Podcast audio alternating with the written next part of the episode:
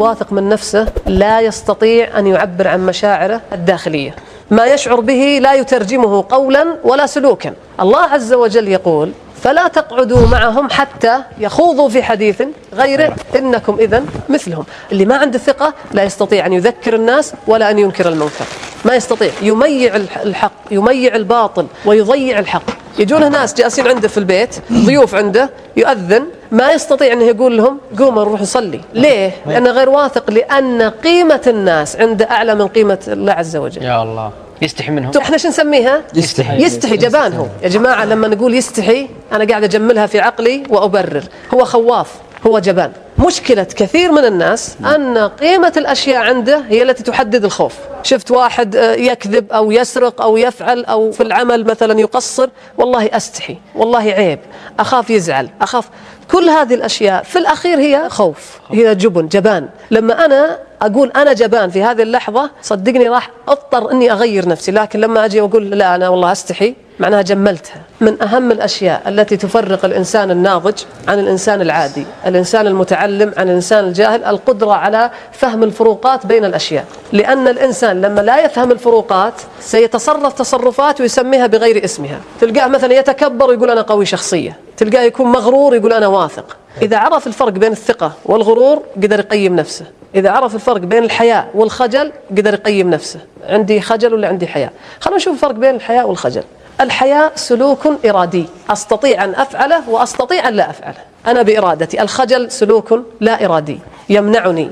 طيب هل في خيار ثاني في الخجل؟ لا بس منع. بينما الحياء إما أن يمنعني وإما أن أن يدفعني. إذا هذا واحد. اثنين دائما الحياء أنت تسعد به وتشعر به قبل أن تفعله وتسعد به أثناء فعله ولا تندم عليه بعد بعد فعله بل تفخر. قالوا لي تكلم في واحد أكبر مني قلت له لا والله فلان اللي يتكلم أنا ما أتكلم. لما أقول لا في هذه اللحظة أنا ماني بخايف ولا خجلان. أنا أستحي أني أتكلم قبل اللي عند أكبر مني. فلما هو يتكلم أنا ما أقول الحمد لله فكني يلا لا أشعر بالفخر. أني قدمت حاجة حلوة لذلك قالوا الحياء هو شعور يدفعك لفعل المليح وترك القبيح. أنا أسوي شيء الصح والغلط ما أسويه. بينما الخجل سلوك لا إرادي يجعلك تتوتر قبل أن تفعله وتحزن أثناء ما تفعله. يكون أنت منزعج أثناء ما تفعله وتندم بعد أن تفعله.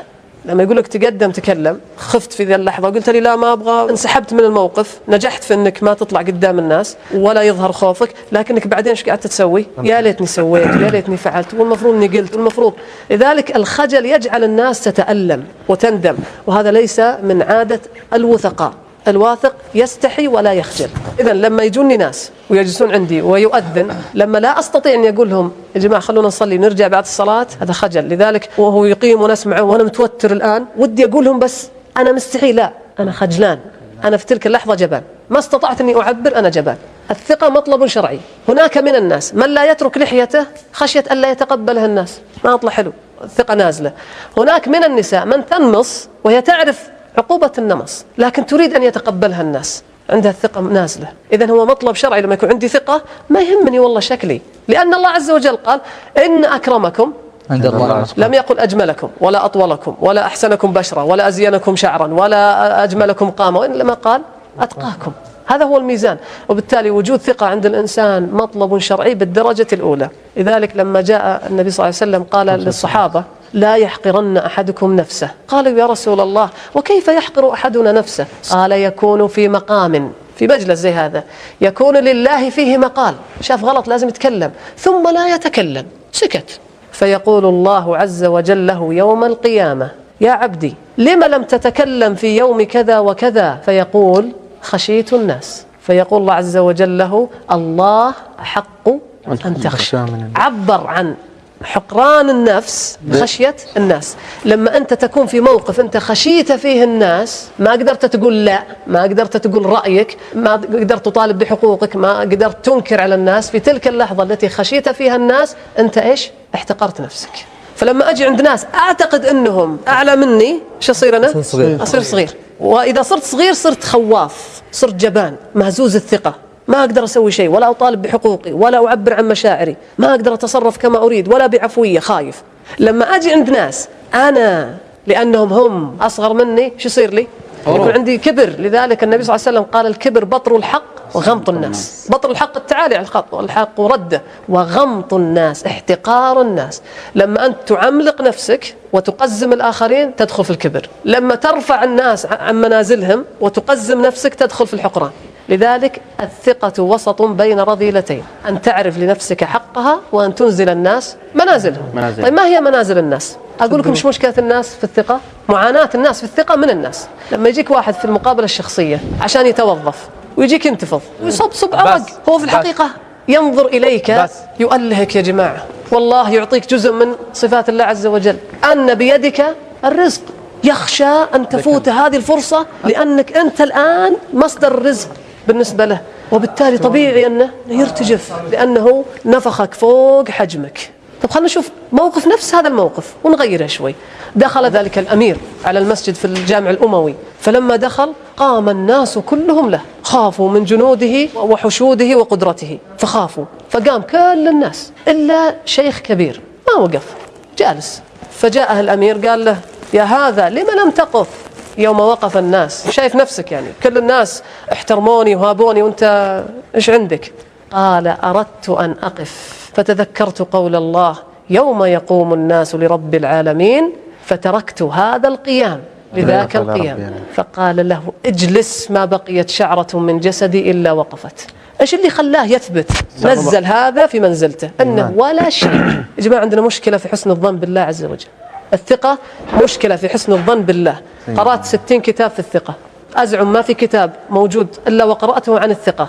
والله لم أجد حتى في كلام الغربيين لم أجد دواء للثقة عميق مثل حسن الظن بالله عز وجل وإنزال الله منزلته. وما قدر الله؟ حق قدره حق قدره أعطيك مثال من واقعنا. الآن لما الإنسان يبذل جهد ويكون قادر وعنده قدرات ويخاف تقول له تعال ألقي كلمة يقول لك والله أخاف. حافظ للقرآن تقول صل بالناس ويتوتر ويفقد ثقته. والله ما أقدر. يجي الإنسان قدام الكاميرا تلقى عنده علم وحافظ ويخاف. طيب السؤال هو يخاف على ماذا؟ يخاف من الأسباب ولا من النتائج؟ الأسباب هو عنده عملها بتوفيق من الله عز وجل والنتائج بيد الله عز وجل. إذا يخاف من ماذا؟ من النتائج التي بيد الله. إذا هي اهتزاز في ثقته بماذا؟ بالله. بس إحنا إحنا ما نبغى كذا ما ننكر هذا الشيء. لا لا الله عز وجل. هذا هو الصحيح. أعطيك دليل بسيط جدا. ألا ترون تزاحم الناس عند قطار الموت؟ أليس مرعب؟ هو طيب لماذا الناس رغم أنه مرعب يتلذذون بالخوف؟ واثقين إنه ما راح واثقين من إيش؟ إنه ما راح يصير لهم شيء. ما راح يصير لهم شيء وما راح يطيح. وفي وسائل امن صح؟ وأنه مؤمن. وأنا واثق في الشركة. أمريكية بريطانية إنجليزية ألمانية. ما راح يجيني شيء. أنا أثق بالنتائج. فيتحول هذا الخوف من خوف رادع إلى إثارة أستمتع بها. لأني أثق بالنتائج. طيب اللي اللي نقوله قم صل بالناس لا أنا متوكل على الله ويخاف. هو يخاف من ماذا؟ نتائج. التي بيد من؟ رب العالمين. عنده مشكلة مع الله. ثم يتذكر أن ما أصابه لم يكن ليخطئه أو لا يكون أمره إلا خير. مهما صار لك والنتيجة التي ستصل إليها الله عز وجل أحكم وأعلم وأرحم منك بنفسك. لما أدخل وأقول أيا كانت النتيجة ما راح أخاف لأنها بيد من؟ الله يا أخوان الإنسان لا يقلق إذا كان عنده أب يدافع عنه فكيف إذا كان عنده رب؟